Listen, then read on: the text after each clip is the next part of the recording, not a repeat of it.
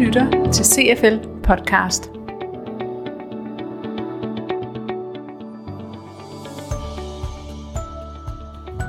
CFL Podcast handler denne gang om strategi og eksekvering. Hvor er det afgørende vigtigt, at I sætter fokus på det her lige nu. Altså, jeg synes virkelig, vi har bare krasset i overfladen. Ja. Altså, der er virkelig Jamen, der er så meget. så meget at hente her, fordi det, det, altså, med det, den krise, der er, og Ja. med de konkurser, vi står overfor, dem, der skal, altså, nu skal vi virkelig rykke. Ja. Ja, nu skal vi virkelig rykke. Strategi og eksekvering, det er klassiske ledelsesdiscipliner. Netop nu er der mange, der skal genbesøge eller måske ligefrem genopfinde deres strategi.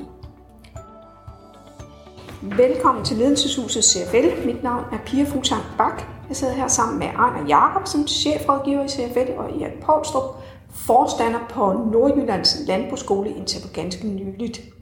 Vi kommer netop fra et CFL klubhusmøde, der har haft overskriften Effektiv eksekvering.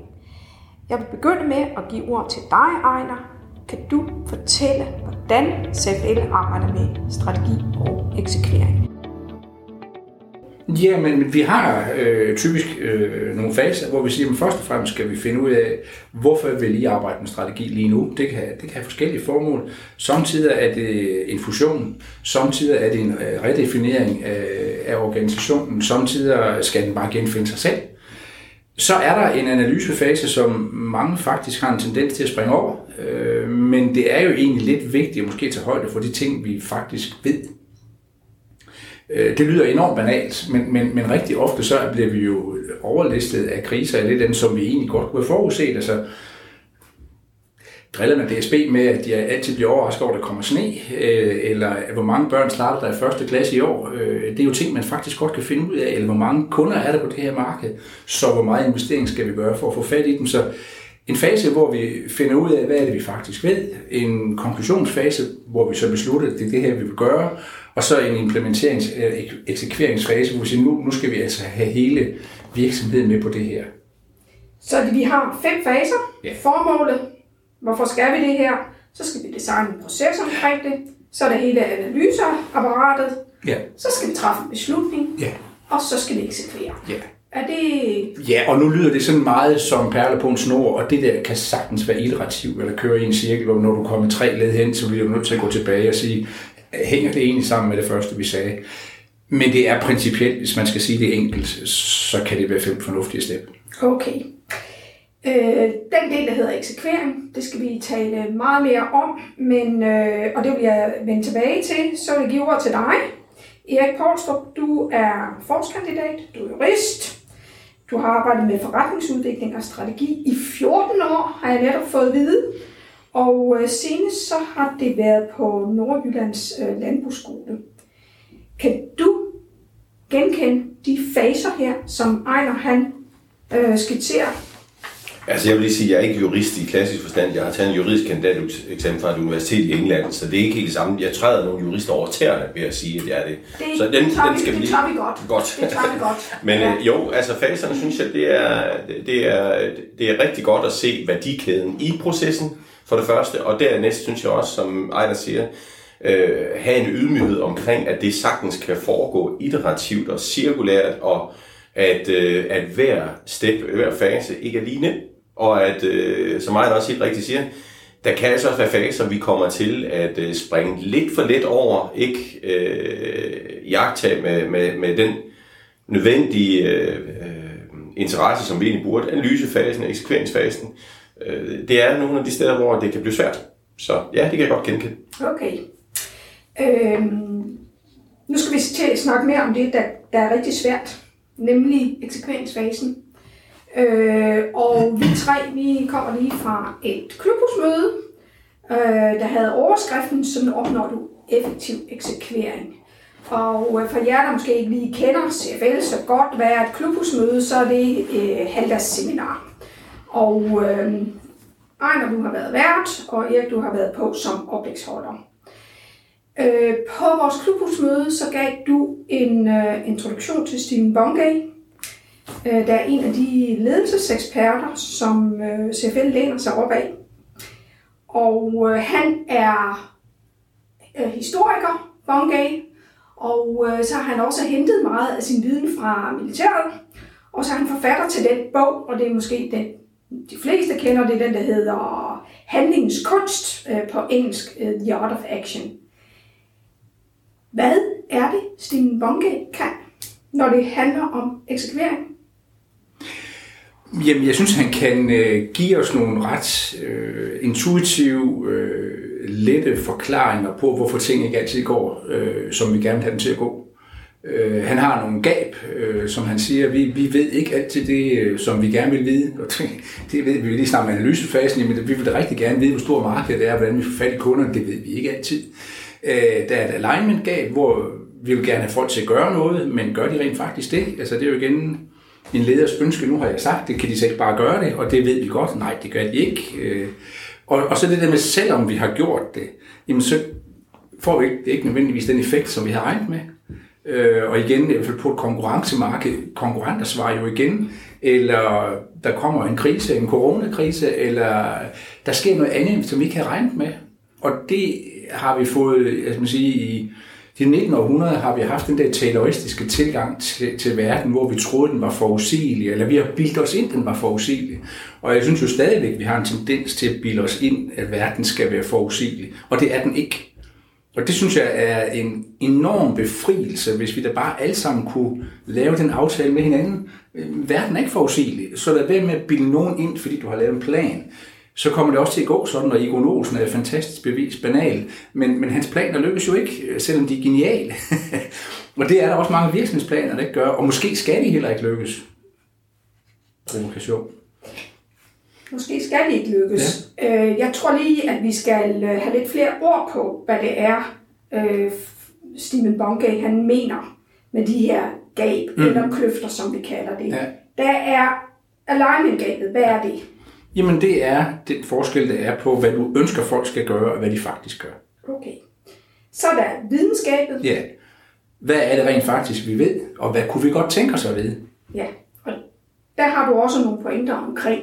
Vi vil hele tiden vide noget mere. Vi kunne godt tænke os at vide mere. Jeg vil gerne have stor sikkerhed. Hvis jeg bruger 2 millioner kroner på den her kampagne, får jeg så lige præcis så stor en markedsandel, eller så mange ekstra kunder, eller får jeg min effekt? Og, og det, det ved de godt, dem der arbejder med marketing, det findes ikke med stor sandsynlighed, kan vi sige, at du får det. Men det er med sandsynligheder. Hvad, hvad skal man så sige til folk, der kommer og siger, jamen jeg kan ikke løse den her opgave, fordi jeg er simpelthen nødt til at vide noget mere? Jamen det bliver man jo nødt til at forholde sig til, om, om, om, om det er rigtigt. Øh, det, det kan jo være, øh, at det, det er objektivt rigtigt. Det kan også godt være, at man siger til folk, i stedet for at komme med det spørgsmål, har du tre løsningsforslag, som du har tænkt? Fordi mange gange så er vores medarbejdere og mellemledere, det, det er jo gode mennesker, så, som har garanteret idéer og forslag. Så jeg, jeg mener, det er en ledelsesopgave at stimulere dem til at tænke selv. Og, og så i virkeligheden øh, sige, okay, her er tre forslag, og hvad for en af dem synes du er bedst, og, og køre med den. Mm-hmm. Så det var videnskabet. Ja. Og så det sidste, det er virkningsskabet, ja. eller virkningskløften. Ja, eller effektkløft. Ja, ja, ja, hvad man nu kalder det. Hvad ja. er det? Jamen det er jo, at selvom vi siger, vidste alt, selvom vi gør præcis det, vi har aftalt, så er det jo ikke sikkert, at du får den effekt, som du regner med. Fordi igen, der kan være konkurrence, der kan være ting, som du ikke har taget med, øh, da du tænkte over det her, da du lavede din analyse. Det er også simpelthen spørgsmål, du ikke fik stillet. Det er derfor, det er svært at lave analyse, der hvilke spørgsmål skal jeg stille. Øh, hvilke spørgsmål skal jeg stille mine kunder, for jeg, for jeg rent faktisk stille de rigtige spørgsmål, eller stiller jeg de spørgsmål, som jeg kender inden for min kendte verden. Hvordan vil øh, ny teknologi komme til at påvirke os? Vi ved det jo ikke præcist. For to måneder siden, der troede vi, at vi, vi holdt alle fremtidige møder på, på, på øh, digitalt. Allerede her i slut august øh, i år, der ved vi godt, det kommer ikke til at ske. Vi er rigtig godt på vej til at gentage historien. At vi holder fysiske møder i stedet for. Så hvad kommer til at ske i fremtiden? Vi ved det ikke. Vi ved det ikke. Nej. Øh, det er noget, vi kan lære af Bongay, det er ja. de her tre kløfter, som han beskriver. Når du er ude i en virksomhed, hvordan bruger du så det?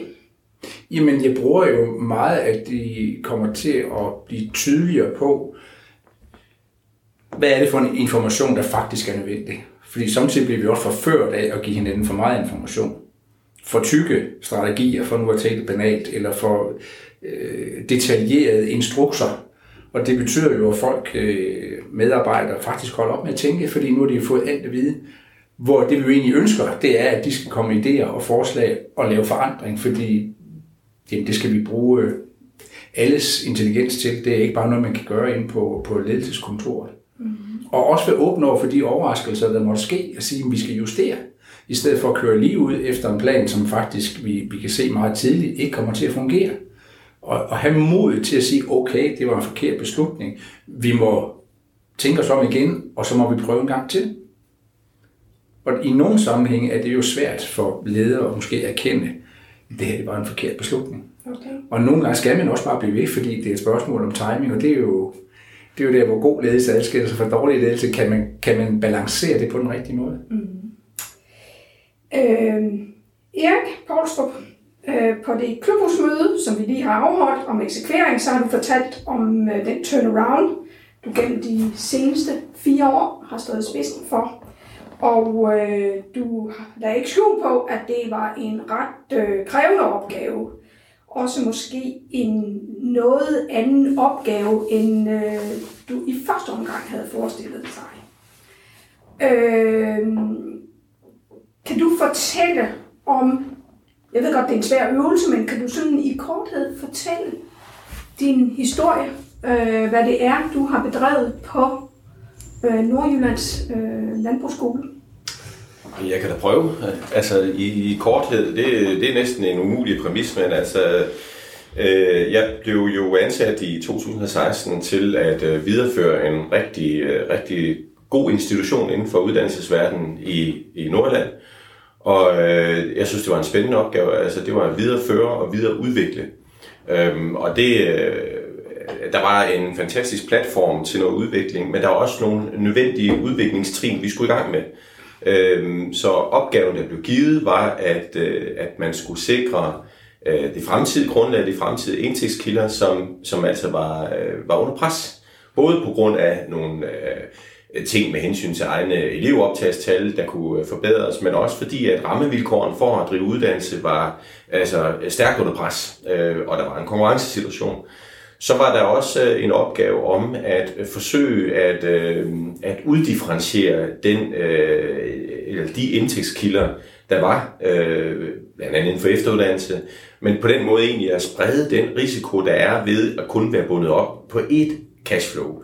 Så spredning af risiko var også en del af opgaven, der blev givet, og strategien, som, som egentlig emergent kom ud af det. Og så den sidste del var det organisatoriske. Og øh, nu kalder du det turnaround. Altså det har jo ikke øh, været en, en turnaround i sådan øh, klassisk økonomisk forstand, men det har været en stor organisatorisk turnaround. Ja. Og det, øh, med mit kendskab, så, øh, så tror jeg faktisk, det er den type turnaround, som både kan være mest spændende, men også mest udfordrende. For det er ikke kun et spørgsmål om at skabe et nyt cashflow, men simpelthen også, som Ejner var lidt inde på, øh, luk de gab, der er. Altså ved folk, hvad de skal? Tænker vi rigtigt? Øh, har vi øh, de rigtige forudsætninger for at løse opgaven, og der kommer der de resultater ud af det, som vi rent faktisk havde efterspurgt og forventet. Så det var sådan i, i store træk, altså sikring af indtægtsgrundlaget, spredning af risiko og opbygning af organisatorisk styrke. Øh, det var det, der lå i den strategi, som kom ud af, af at jeg trådte til og gik i gang. Ja, og hvordan gjorde du så det? Ja, det, det, kan, ja. Jeg, det kan jeg ikke sige kort, men, Nej, men godt, øh, altså, ja. nogle af de ting, som jeg sådan retrospektivt kan se, jeg gjorde overordnet set, det var, øh, som jeg også har underholdt med øh, til klubhusmødet, at øh, jamen, jeg var nødt til at øh, overbevise organisationen om, at det her det kunne vi. Så det vil sige, at man investerer sig selv i det, og man går foran, og også opbygger op øh, bygger eller øh, tilbyder den selvtillid, man nu kan finde i sig selv og sige, jeg tror på det her, det her det skal vi nok lykkes med. Øhm, så sørg for at skabe nogle stærke forbindelser i organisationen. Altså være til stede, være synlig, skabe nogle vinduer, nogle rum, hvor at man kan blive klogere på hinanden, hvor organisationen kan blive klogere på den nye leder, men også den nye leder kan lære at blive klogere på, øh, hvem er vi, og hvordan gør vi tingene. Så den der connection har også været rigtig vigtig for mig, øh, et, et ledelsesmæssigt greb. Øhm, og så øh, en af de ting, som, når vi taler om eksekvering og eksekvering, der ikke virker, så synes jeg det der med commitment. Man er simpelthen med alt, hvad man har, nødt til at kaste sig ind i, at jeg er committed til, at det her, det gør vi sammen. det commitment, det, det skal man være så tydelig omkring, sådan at øh, altså dem, der har, har budt ind på det, de kan se, nu er banen fri, nu spiller vi. Dem, der er i omklædningsrummet, øh, de kan se, jeg skal nok blive taget i hånden, jeg skal nok komme op på banen, det bliver godt. Og dem, som ikke vil ud på banen og spille, øh, de, de har stadigvæk en, øh, en, øh, en tydeliggørelse af, hvad det der kommer til at ske, hvad enten de så vil være med eller ej. Altså, så det commitment har været vigtigt for mig at øh, byde ind med, med al, al den kraft, jeg kunne. Og så også øh, et af de der personlige ting, som jeg tror, man skal overveje, hvordan man lykkes med, det er, vis også noget mod.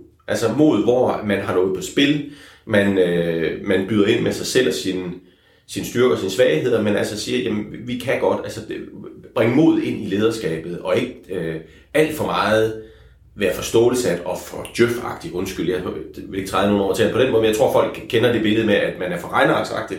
Men altså være mod, modig nok til også en gang imellem at kaste ud i noget, hvor øh, viden ikke er til stede. Det er ikke alene på, på nuværende tidspunkt, men vi, vi tror på, øh, nogen kalder det jo øh, underbevidsthed, intuition og mavefornemmelse, at det, det er det her, det, og der betyder mod faktisk ret meget, tror jeg. Mm. Ja. Mm.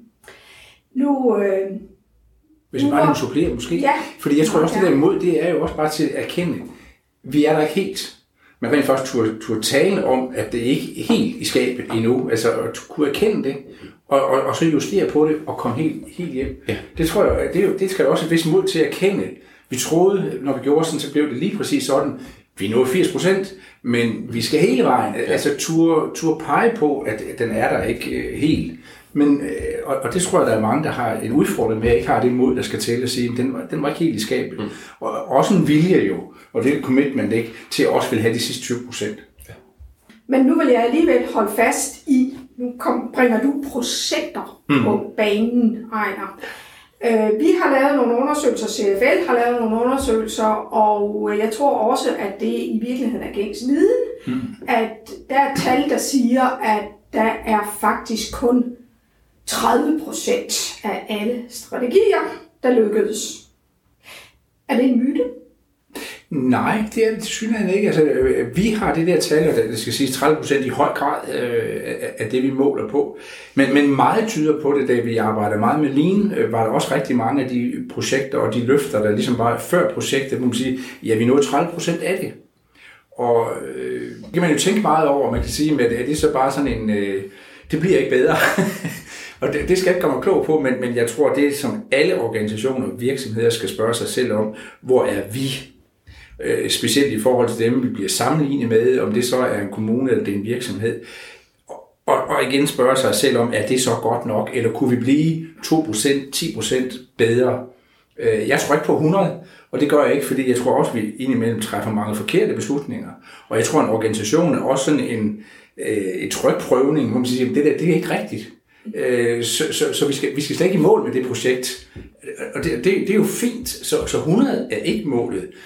Men jeg tror på, at man skal spørge sig selv, at man skal være ærlig om, det kunne være, at man lå på 20. Så der er altså faktisk nogen, der er bedre til at eksekvere end jeg er. Så, så jeg synes, man skal prøve at have et billede af, hvor gode er vi til eksekvering sammenlignet med andre.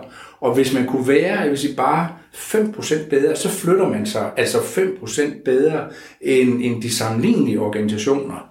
Og jeg tror, at det, det handler om, det er at, at gøre det lidt bedre. Øh, og, og det, så kommer man ikke ud om at tale om det. Og det er jo der, det starter alt det her. Det er, altså få talt om det. Og, og få diskuteret, om, om vi er i mål, eller vi ikke er i mål, og hvordan vi kunne komme tættere på målet. Og den der dialog, synes jeg, er i den grad øh, øh, ikke eksisterende i alt for mange organisationer. Mm-hmm. Hvor god har du været til at eksekvere? Jamen det, øh, det, det synes jeg faktisk, det vil jeg lade andre om at uh, udtale sig om, men, men, men vi har skabt nogle resultater, og jeg tænker sådan i forlængelse af det, som Ejner siger, at der hvor verden er i dag, der hvor virksomheder skal udvikle sig i dag, der tror jeg, at, øh, at det er ligesom, det er det der det mellemlange sigt i vejen til eksekvering, det er det, der er blevet mere svært.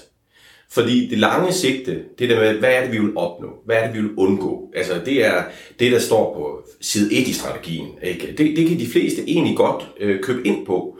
Og så kender man sit udgangspunkt, og kan godt stå og, og, og, og, og træde lidt øh, på stedet, og egentlig føle, nu skal vi til gang. Men, men fordi netop, som Ejner siger, at der er så mange ting, der kan ændre sig undervejs, så skal man passe på med at være for stålsat på vejen dertil. Hmm. Altså det, det er det, hvis man, hvis man ikke, og det er også det, der som leder er sværest, at få den fulde commitment, det er, øh, hvis vi kan blive enige om, at det her det er det, vi gerne vil opnå, så tror jeg faktisk, at ledelsesopgaven er i 2020, og 21 og 22 nu her, hvor tingene er vanskelige, altså især lige nu, der tror jeg, at det er, at man må ikke have for stor fokus på at øh, asfaltere vejen i strategien, men man skal sikre enigheden og commitment til, det her det er det, vi vil opnå. Og det her er vores udgangspunkt, og nu, nu sætter vi fri, nu sætter vi nogle ting i gang. Altså, øh, fail fast talte vi meget om for 10 år siden. Ikke? Jeg tror, den skal vi genbesøge nu. Ja, ja. Altså, øh, hvis bare det fail fast er inden for rammen til det langsigtede mål, Ja. så tror jeg, at man som leder skal prøve at sætte strøm til det i øjeblikket. Ja. Også selvom at det måske ikke lige er det, man først har tænkt, Nej. var en del af vejen dertil. Nej, Øhm, og, og der tror jeg, at øh, ledere af organisationer og ledere af virksomheder har en stor opgave, fordi man jo som leder gerne vil være, altså man vil jo gerne have udøvet en form for kontrol. Ja. Så vejen dertil, den vil man jo egentlig gerne have konsensus omkring. Ja. Men, men vejen, i mit perspektiv, er ikke længere Øh, den er stadig vigtig, men den er, ikke så, den er ikke så vigtig, som den har været, fordi den agilitet og emergens, der er på det strategiske niveau, også på eksekveringsopgaven, øh, skal tænkes ind, og man skal have den der, man skal have mod Ja. til at acceptere, at det ved, kan man ikke svare på det hele, og så skal man have ydmyghed over for, at noget, det bliver serveret, det kommer ind fra siden spontant, ja. og du, du kan ikke tænke dig til det på forhånd, så er stig afsted. Ja. Altså, så man kan sige, det jeg lykkes med, det er, at jeg har villet ændre det. Altså, kast engagementet og, og viljen ind. Vi vil, øh, jeg havde en organisation, som, som fortjente, altså, og som, som havde om, nogle omgivelser, som forventede af os, at vi skulle, vi skulle kunne udvikle os, at vi skulle kunne videreudvikle os. Mm-hmm. Det var en given opgave. Ja. Øh, så er det simpelthen med at sætte strøm til at komme i gang, ja. også selvom at vejen ikke var beskrevet. Ja. Men vi vidste godt, jeg vidste, og min leder, med dem, jeg, min lederkollega, vidste godt, hvad, hvad, hvad, hvad var det, vi skulle. Så det tror jeg er et, et, et, øh, øh, en overvejelse, som man skal have med, når man gerne vil være god til at eksekvere. Øh, du nikker, Ejner, er det ikke? Øh? Jamen, jeg er helt enig, altså, og, vil egentlig bare føre den helt tilbage til den der indledende snak omkring Borndal. Det er accepten af, at, at ting er uforudsigelige. Ja. Så det der med at øh, en gang, der kaldte vi det arbejde dedikeret på et midlertidigt grundlag, og være helt bevidst om, jamen det er et midlertidigt grundlag, men det er det grundlag, vi har lige nu, og det arbejder vi altså bare 110 procent på. Ja. Og så ændrer det sig. Øh, Som du siger, det var ikke en asfalteret vej, det var en brolagt vej. Men, og det, der var måske lidt bugter på den, men jeg kom fremad. Ja. Hvor dem, der venter på den, den asfalterede vej, øh, de står stadigvæk øh, henne ved parkeringspladsen. Den er der ikke. Øh, så accepten af øh, uforudsigelighed, accepten af, at vi skal, vi skal justere og tilpasse, men dermed også modet til at vil være i den verden, og, og, og selvtilliden øh, til at leve med det. Og det tror jeg faktisk mange kan jeg så sige, af os vil blive udfordret på, for vi vil gerne have styr på det, og vi vil gerne være i stand til at sige, hvor er vi præcis i morgen, og i overmorgen, om tre måneder. Og så noget fungerer eksekvering bare ikke, hvis det er virkelighed. Altså, vi kan godt øh, lave skønmaleriet, øh, rapporteringen, men hvis man kigger efter og, og taler med folk i kantinen, så matcher det ofte ikke den virkelighed. Hvad er det allersværeste i en øh, eksekvering? Øh, det allersværeste, det er at holde fast lige før resultaterne begynder at komme. Altså det, det, det er sådan, det er sådan en, en, en, altså en forandringsproces. Der er jo tusindvis af modeller for det, men altså hvis man nu bare tænker på det som den her øh, øh, øh, altså, øh, bakketop. Altså det er jo lige før bakketoppens top, at det er allersværest. Ja. Fordi der, er, øh, der har du slidt så meget på din organisation, du har slidt så meget på dine mellemledere, du har investeret så meget øh, personligt i det, altså at du trænger sådan, du trænger sådan til noget sukker. Til noget succes. Ja, og noget succes. Altså der er, man, der er man jo der under pres, og der er det vigtigt, at man, øh, hvis man arbejder med ledelse, så er det vigtigt, at man ikke står helt alene. Altså fordi de, de færreste af os er jo, er jo i virkeligheden beklædt med teflon selvom man kan tro det, mm-hmm. så, så har vi jo brug for en bestyrelse, som bakker op, og som spørger ind, hvordan man har det. Altså, som på engelsk, der er det jo meget bedre at sige, how are you? Ikke? Det, det, altså i Jylland, der spørger man sgu aldrig, hvordan man har det. Øh, der spørger, hvor er, hvor er seneste salvebalance? Ja. Øh, nej, pjat, altså, så lige før har man brug for øh, nogle lederkollegaer tæt på, som man er i synk med. Man har brug for øh, altså noget, altså lede opad. Noget netværk. Ja, noget netværk, og noget netværk, ja. Øh, så man kan komme ud og lige pive lidt, når man er lige der, før man egentlig godt ved, at det tipper lige om lidt, men det er, man er næsten tappet for ressourcer. Der er det svært. Okay. Hvad er din erfaring, Maja? Jamen, jeg synes, er det sværest? det er et fantastisk godt svar, og jeg har lyst til at sige, at det kommer an på, hvad det er. Fordi du kan stå med en fusion, hvor to ærkekonkurrenter skal lægge sammen. Jamen det er jo, altså de to kulturer har 25 års erfaring i at have hinanden. Det, det er da fantastisk svært. Eller du står over med måske med et forretningsområde, som du er nødt til at nedlægge, fordi teknologien og tiden er løbet fra det. Så, så jeg synes, det er rigtig, rigtig svært at, at svare på generelt. Til gengæld synes jeg, det er et skide godt spørgsmål, som enhver bør stille sig, når de synes, de er færdige med deres strategi. Hvad bliver sværest for at lykkes med den her strategi? Enig. Altså, altså hvis man kunne stille det spørgsmål der, fordi bliver det den organisatoriske kapacitet? Bliver det at overbevise kunderne? Bliver det at overbevise investorerne? Bliver det at finde den teknologi? Altså når man hører om AP Møllers øh, overgang til containerskib, hvor han er nødt til at definere et nyt skib. Hvis vi skal lykkes med containertransport, så skal vi have et skib med en aksel, eller en skrue, tror jeg det er, og, og så bare, at der kan flere knop, end vi har set. Altså, så, så jeg synes, det er meget, øh, der måske påstår det forkert svar på generelt, men jeg synes, det er et vanvittigt godt spørgsmål, når man har sin strategi, at stille sig selv det spørgsmål. Hvad er sværest her? Og hvad gør vi så for at overkomme det? Yes. Det er jo et rigtig godt råd, der er givet videre. Nu skal vi til at runde af.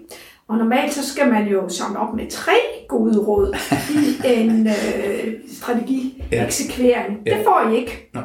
Nu skal I hver især give et råd Ja. for at få succes med eksekvering.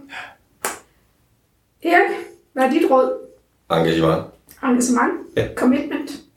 Ejner, hvad er dit råd? Kommunikation.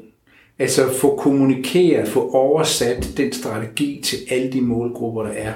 Og så i virkeligheden holde fast i den, altså kommunikation, kommunikation, kommunikation. Fordi jeg tror på, hvis du kan få givet folk indtryk af og, og, og holdning til, hvad er, hvad er intentionen, hvad vil vi, så tror jeg på, at jeg synes, corona har bevist det, så er organisationer fuld af mennesker, der rigtig gerne vil gøre det godt og rigtigt.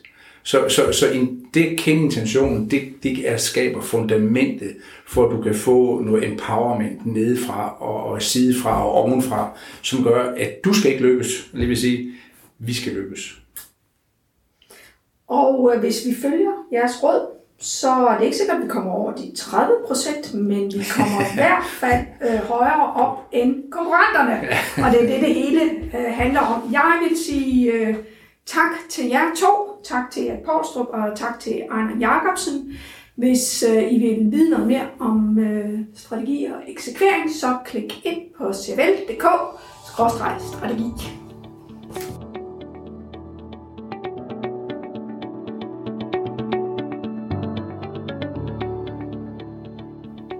Er du interesseret i at vide mere om strategi og eksekvering, så kommer Ejner Jacobsen her med en anbefaling til en CFL-konference om strategi den 18. november 2020. Du skal deltage i strategikonferencen, øh, fordi der kommer øh, nogle rigtig spændende praktiske indlæg fra vidt forskellige verdener. Og så kommer der en øh, super dygtig ledelsesteoretiker, som på fantastisk engelsk underfundig vis kan forklare, hvorfor strategi kan være svært, men også kommer med nogle ret konkrete bud på, hvad er det, du kan gøre for at overkomme de problemer med at lykkes med din strategi. Så jeg er sikker på, at både øh, inspirationen fra scenen og fra de deltagere, der er der, og den, de muligheder, der bliver for et netværk, det gør, at det bliver en super god dag. Og keynote speaker, det Stephen er. Stephen Bungay. Ja. Ja.